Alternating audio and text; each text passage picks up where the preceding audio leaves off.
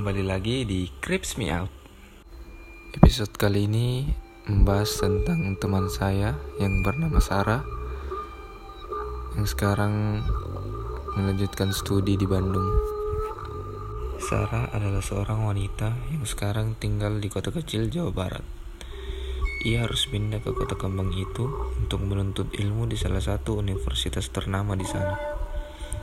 Saat pindah ke Bandung, Sarah pergi bersama ayahnya.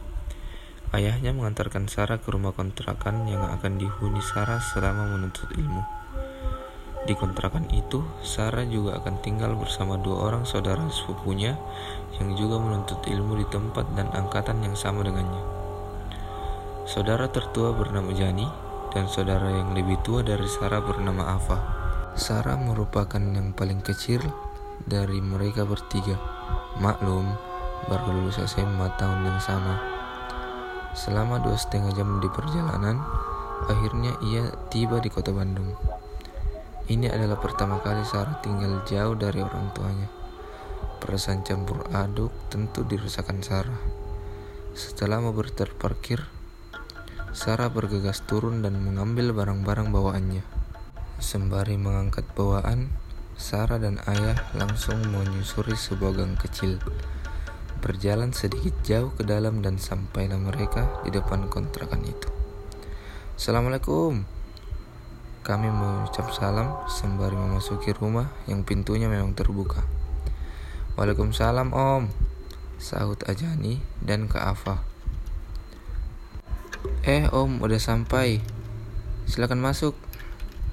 Beginilah adanya om. Ucap Kak Ava kepada ayahku. Saat itu Sarah tersenyum dan mengangguk dan melihat sekeliling.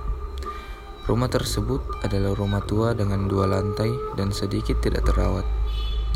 Saat itu, Sarah memaklumi hal tersebut, apalagi budget yang ia miliki untuk menyewa rumah kontrakan sangat terbatas. Tangga menuju lantai dua adalah tangga kayu dengan pegangan kayu. Terlihat asal-asalan dibuatnya. Sarah mendekati tangga dan melihat ke atas. Di ujung tangga tersebut adalah tembok. Sebelah kiri ada pintu kecil menuju keluar tempat jemuran dan talang air. Dan di sebelah kanan terdapat ruangan tanpa pintu yang hanya bisa dimasuki dengan cara sedikit membungkuk. Ruangan tersebut tepat berada di atas kamar tidur Sarah yang terletak di antara tangga dan kamar Ka'afa. Kamar Ka'afa adalah kamar yang paling dekat dengan pintu utama.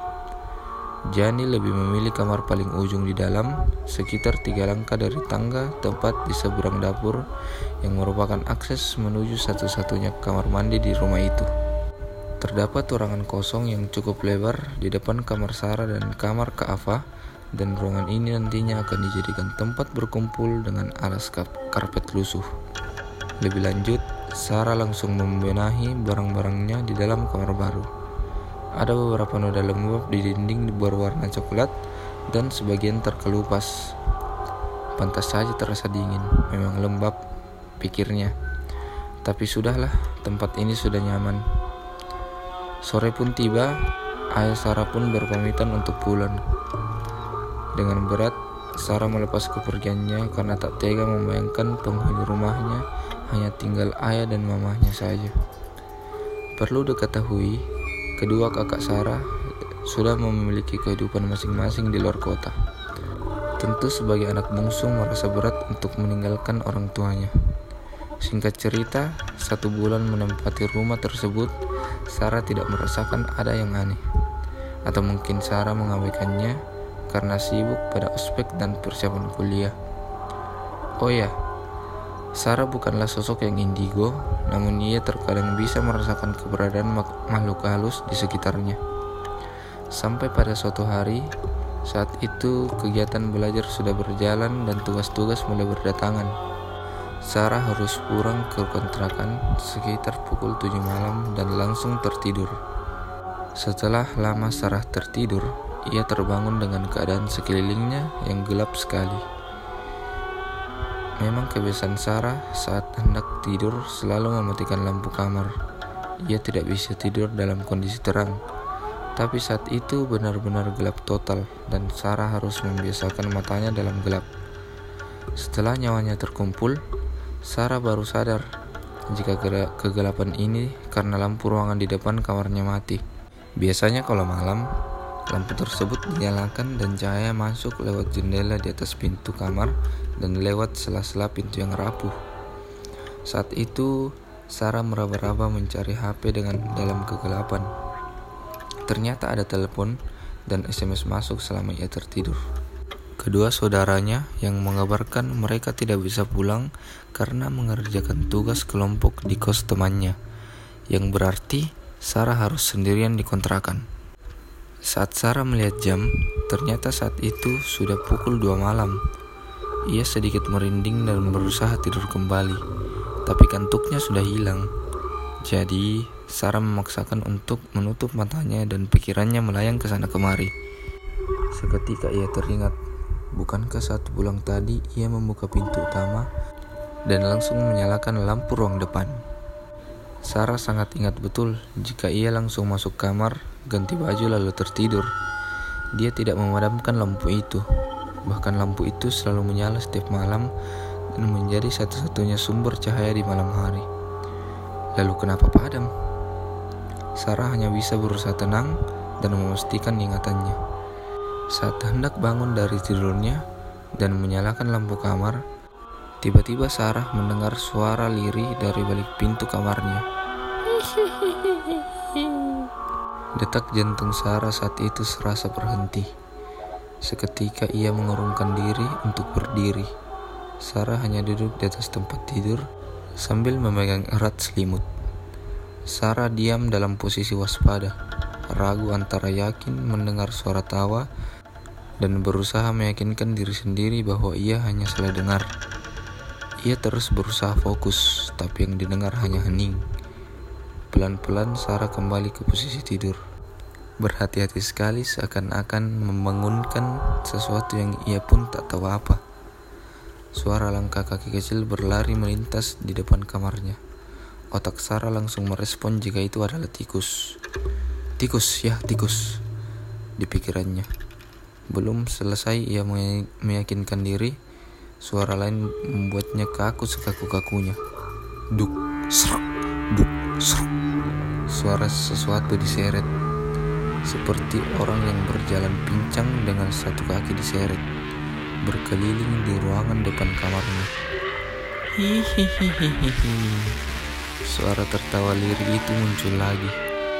Kali ini Sarah yakin jika ia tidak salah dengar. Dengan ketakutan, Sarah menutup seluruh tubuhnya dengan selimut sembari memejamkan mata rapat-rapat. Keringat membasahi bajunya.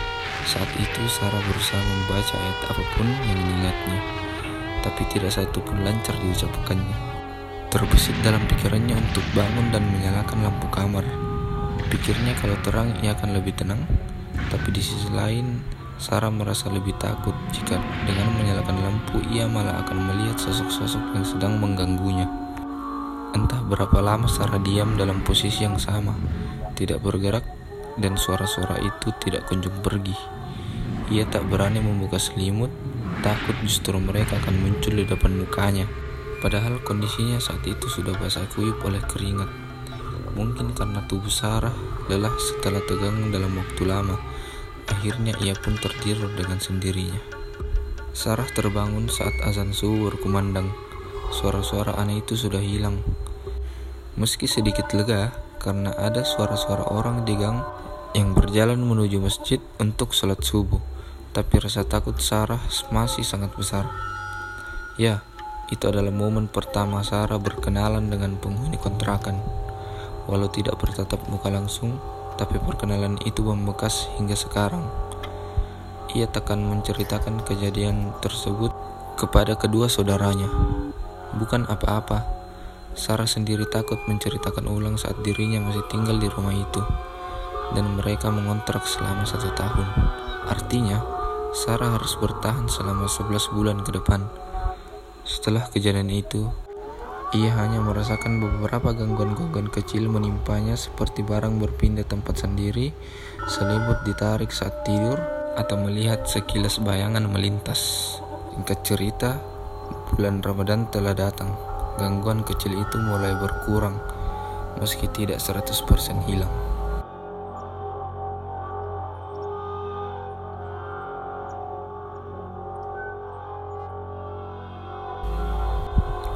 Penasaran dengan kelanjutan Sarah? Nantikan di episode selanjutnya hanya di Crips Me Out.